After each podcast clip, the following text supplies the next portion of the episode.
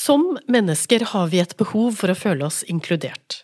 Vi ønsker å være en del av noe, og vi ønsker å oppleve at det vi gjør er til nytte.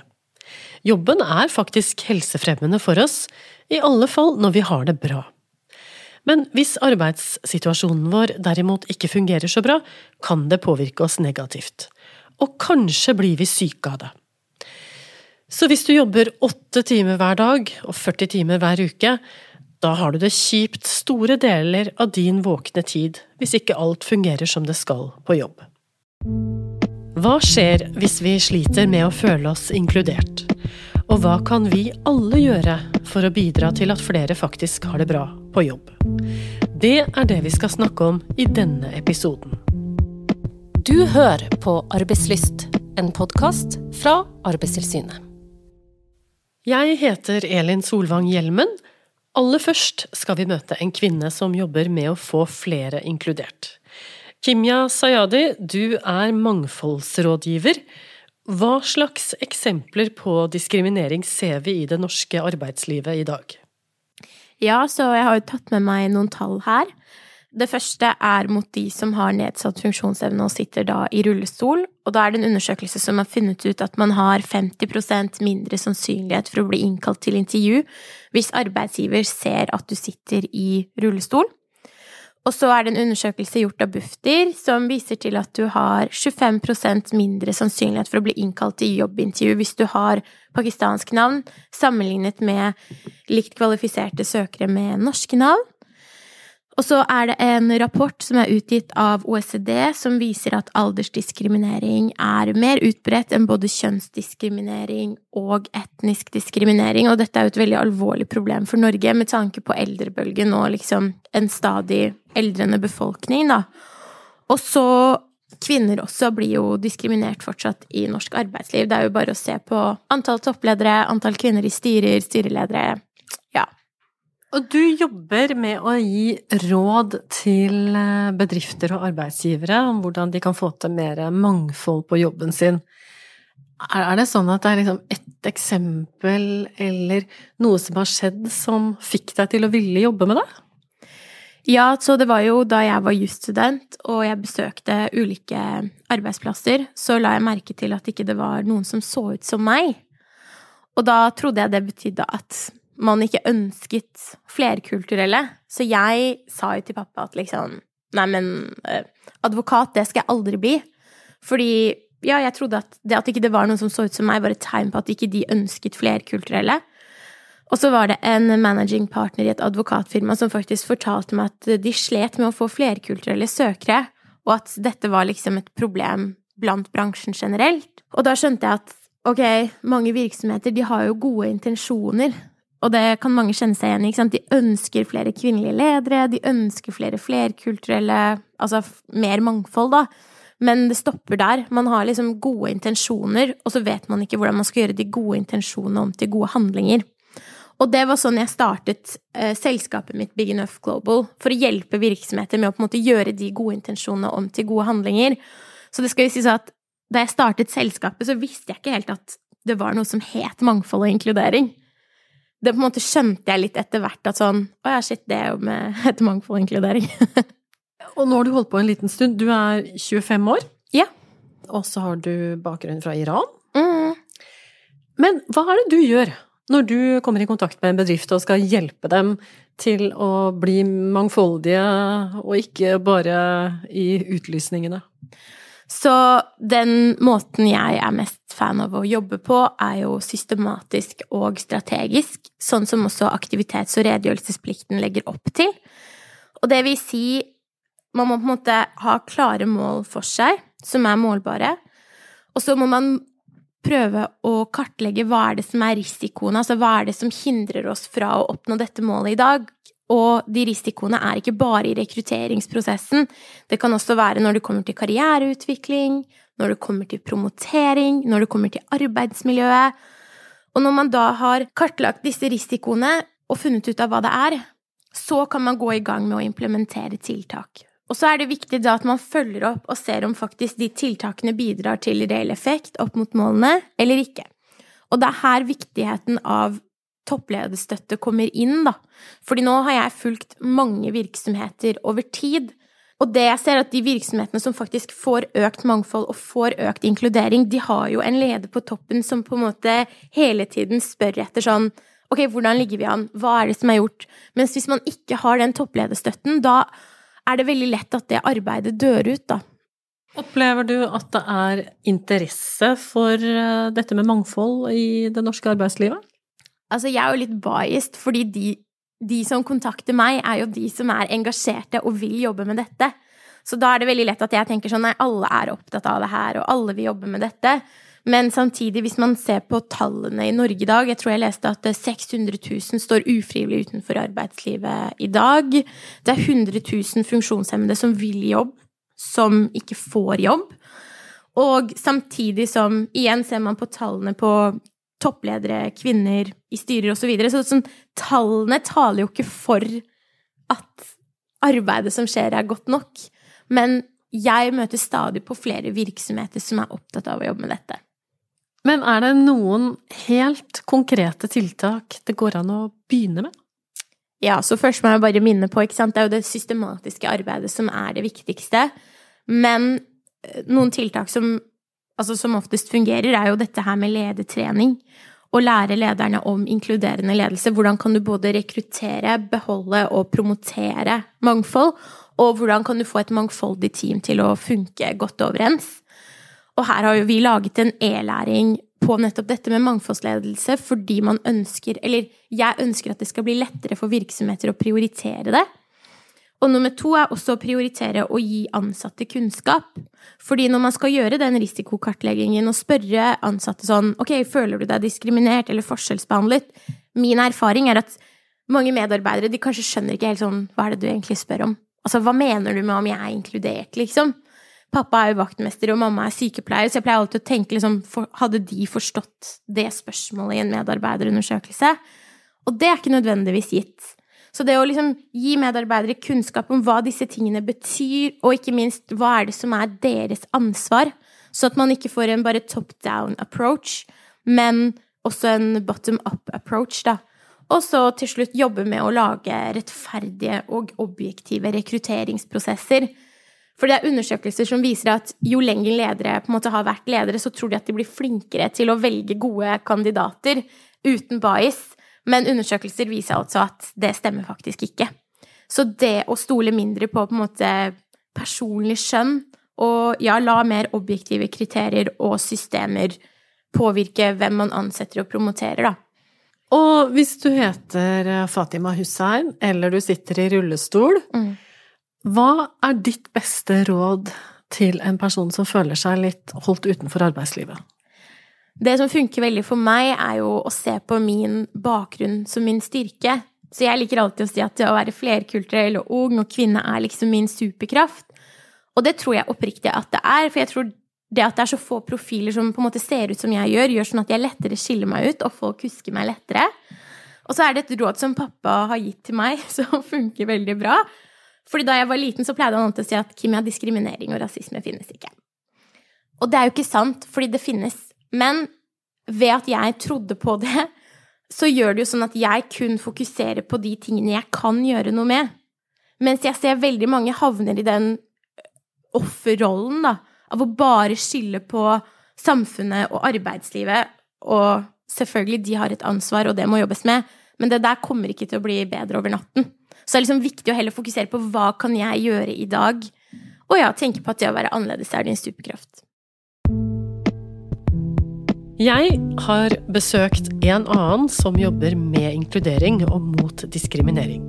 Det er likestilling- og diskrimineringsombud Bjørn Erik Thon. Han opplever også at det norske arbeidslivet ikke inkluderer alle. Vi ser dessverre for mye diskriminering i arbeidslivet. Eh, vi har en veiledningstjeneste hos oss, og vi mottar sånn ca. 2500 saker hvert år, eller henvendelser hvert år.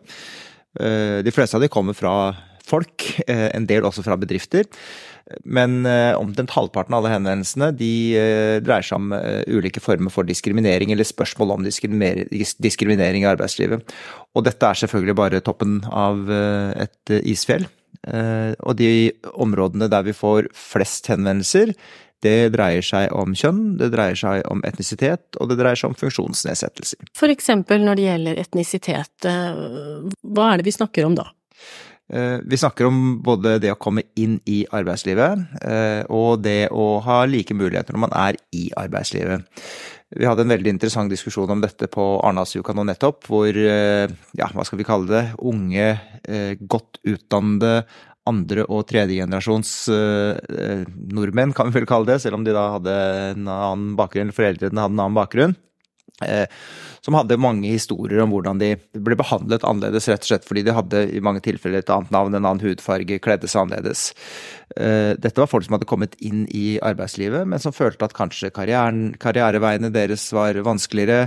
De merket at det var samtaler i kantina som ikke nødvendigvis var liksom sånn ondsinnet, men som allikevel gjorde at de falt litt utenfor. Og vi vet også at det er vanskeligere å komme inn i arbeidslivet. Det er liksom én ting vi ikke trenger å forske mer på, og det er at det er vanskeligere å komme på intervju hvis du heter Mohammed og, og ikke Bjørn Erik, sånn som jeg, eller Aisha og ikke Elin, sånn som deg. Og det er et stort problem, for på den måten så går vi glipp av mye god arbeidskraft, rett og slett. Og vi ser det også på, et, unnskyld, på funksjonsnedsettelser, hvor det, ja, vi antar at det er ca. 100 000 med funksjonsnedsettelse som ikke kommer inn i arbeidslivet, og som vil inn. Hvordan vil du si at dette preger samfunnet i dag? Det preger samfunnet på den måten at vi går glipp av mye arbeidskraft. Og det er jo også sånn at et mangfoldig arbeidsmiljø er et bedre og mer produktivt arbeidsmiljø. Jeg var på bedriftsbesøk for noen dager siden bare, hos Posten, NRK, Universitetssykehuset i Oslo og Sporveien, som fortalte mye om hvordan de hadde jobbet med inkludering. De viste fra mange gode eksempler på hva de hadde fått til. Og så var det vel ingen som sa at jeg var ferdig med jobben, men det alle sammen sa var at dette, dette var, ga bedre miljø, og det ble bedre produktivitet og trivsel enn hva man måtte velge å kalle det, da. Og samtidig så er det sånn at det er ikke alt som trenger å lønne seg heller. Det er et samfunnsansvar og et ansvar som både offentlig sektor og næringsliv har, til også å ha arbeidstakere som ikke nødvendigvis teller positivt på det vi kan kalle litt sånn bunnlinja, da.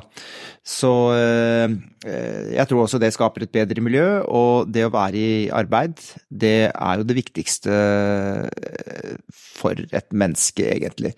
Selvfølgelig ekteskap, barn og de tingene er nok viktigere hvis jeg tenker meg godt om, men det å være i arbeid er selvfølgelig veldig sentralt. Det tror jeg ikke jeg trenger å si så veldig mye om, for det vet alle som er på en god arbeidsplass hvor mye det betyr. Er løsningen politisk, eller ligger den hos hver enkelt arbeidsgiver, eller begge deler? Den ligger jo begge steder, selvfølgelig. Nå, nå, nå er jo det offentlige Norge er jo en veldig stor arbeidsgiver. Det er veldig mange i Norge som jobber i det offentlige.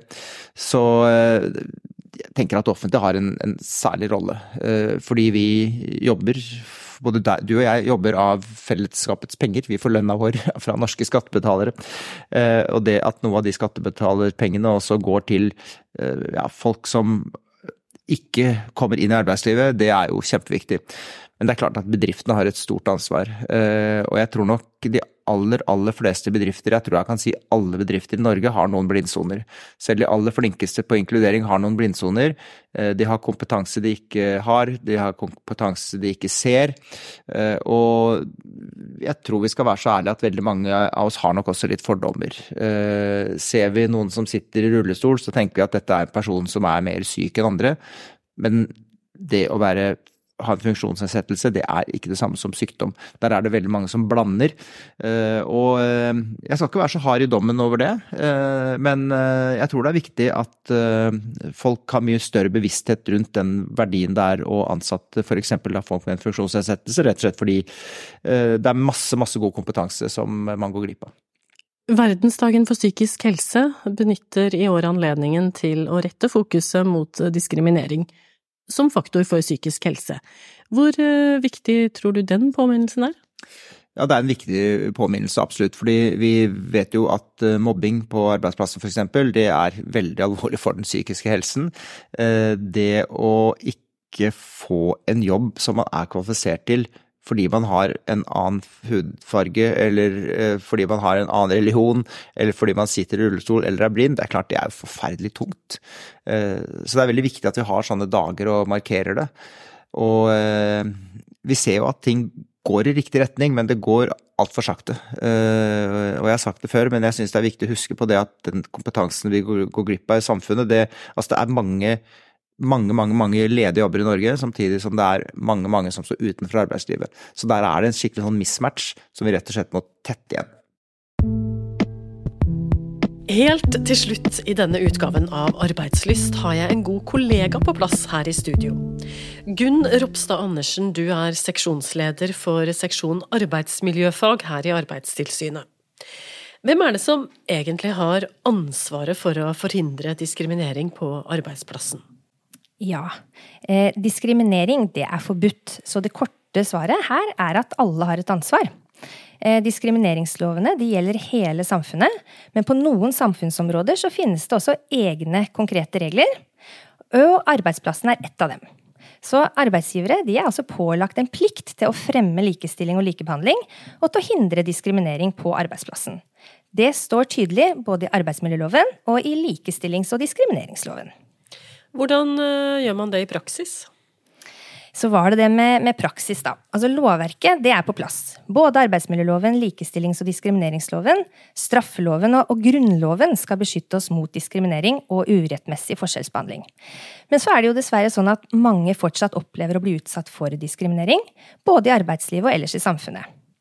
En ny rapport fra Statens arbeidsmiljøinstitutt den viser bl.a. at det er flere i Norge som har opplevd diskriminering på arbeidsplassen, sammenlignet med gjennomsnittet for EU. Så, så det er helt åpenbart at vi fortsatt har en lang vei å gå her i Norge. Og arbeidsplassen det er en viktig arena for inkludering. Og inkludering det må jo starte fra begynnelsen. Altså i selve rekrutteringsprosessen. Og da holder det ikke bare å oppfordre mennesker med funksjonsnedsettelse, hull i CV-en eller innvandrerbakgrunn til å søke, eh, dersom de systematisk blir tilsidesatt eh, når det faktisk kommer til ansettelse, selv om de oppfyller formelle krav til stillingen. ikke sant? Eh, så den type oppfordringer det må forplikte i praksis. Eh, det kan ikke bare være fine formuleringer på eh, papiret. Og så, eh, når man har liksom de formelle systemene på plass, ikke bare fra rekruttering, men også videre i ansettelsesforholdet, så må man jo også tenke på de uformelle sidene i jobbsammenheng. Altså rett og slett hvordan er det vi oppfører oss mot hverandre? Eh, hvilke ord er det vi bruker? Hvordan snakker vi til hverandre? Hvordan snakker vi om hverandre? Hvordan snakker vi med hverandre? Hva slags kroppsspråk har vi? Hva er det vi spøker med og ler av i arbeidsmiljøet vårt, f.eks.? Eh, begrepsbruk, vitser og morsomheter om kjønn, alder, religion, seksualitet, det er ikke nødvendigvis like morsomt for alle. Og et relevant begrep i den sammenheng, det er mikrodiskriminering. Og der hadde du noen gode eksempler på hva det er for noe, ja. Ja, det er eh, små hendelser som er eller kan oppleves å være diskriminerende. Eh, det kan være utsagn eller atferd som ikke nødvendigvis er så lett å fange opp på folk. Kanskje ikke det er med hensikt heller, men, men det er like fullt ugreit hvis det rammer eh, underrepresenterte grupper, da. Det kan f.eks. være kvinner som jobber på en mannsdominert arbeidsplass, som stadig blir avbrutt i møter, oversett og ikke blir tatt med på råd osv. Så eh, det er ikke sikkert at det er med hensikt, eh, men eh, dersom ikke flertallet er bevisst på hvordan dette faktisk oppleves for mindretallet, så er det en, en, såkalt blindflekk, og da kan det være vanskelig å endre på det så lenge det er en blindflekk. Og Derfor er det viktig å skape bevissthet rundt dette med mikrodiskriminering.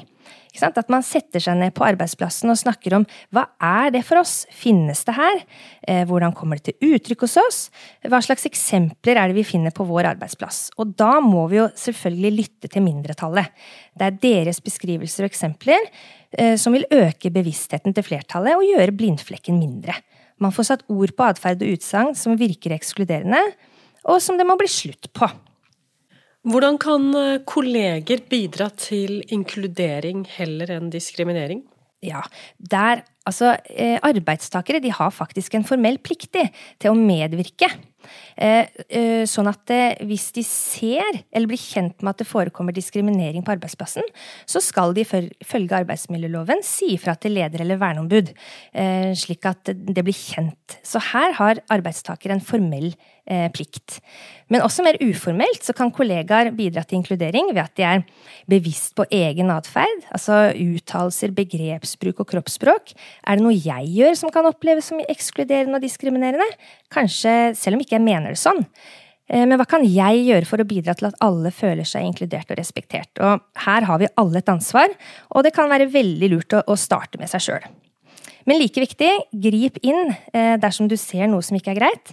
Det kan være en påminner til kollegaen din i form av en sånn bevisstgjøring. Hei, hva er det du gjorde eller sa akkurat der? Eller det kan være å sende inn et, eh, et varsel eller si fra basert på det du observerer eller er kjent med, eh, men det kommer an på hvor alvorlig hendelsen er. Så selv om arbeidsgivers ansvar er tydelig i arbeidsmiljøloven og likestilling og diskrimineringsloven, så har vi alle et moralsk ansvar, men også en plikt til å være inkluderende og til å bidra med et godt arbeidsmiljø for alle. Så for å oppsummere. Diskriminering er ikke bra for helsa. Inkludering er bra for oss alle. Arbeidsgiver har hovedansvaret, men både du og jeg må bidra. Du har hørt på Arbeidslyst, en podkast fra Arbeidstilsynet.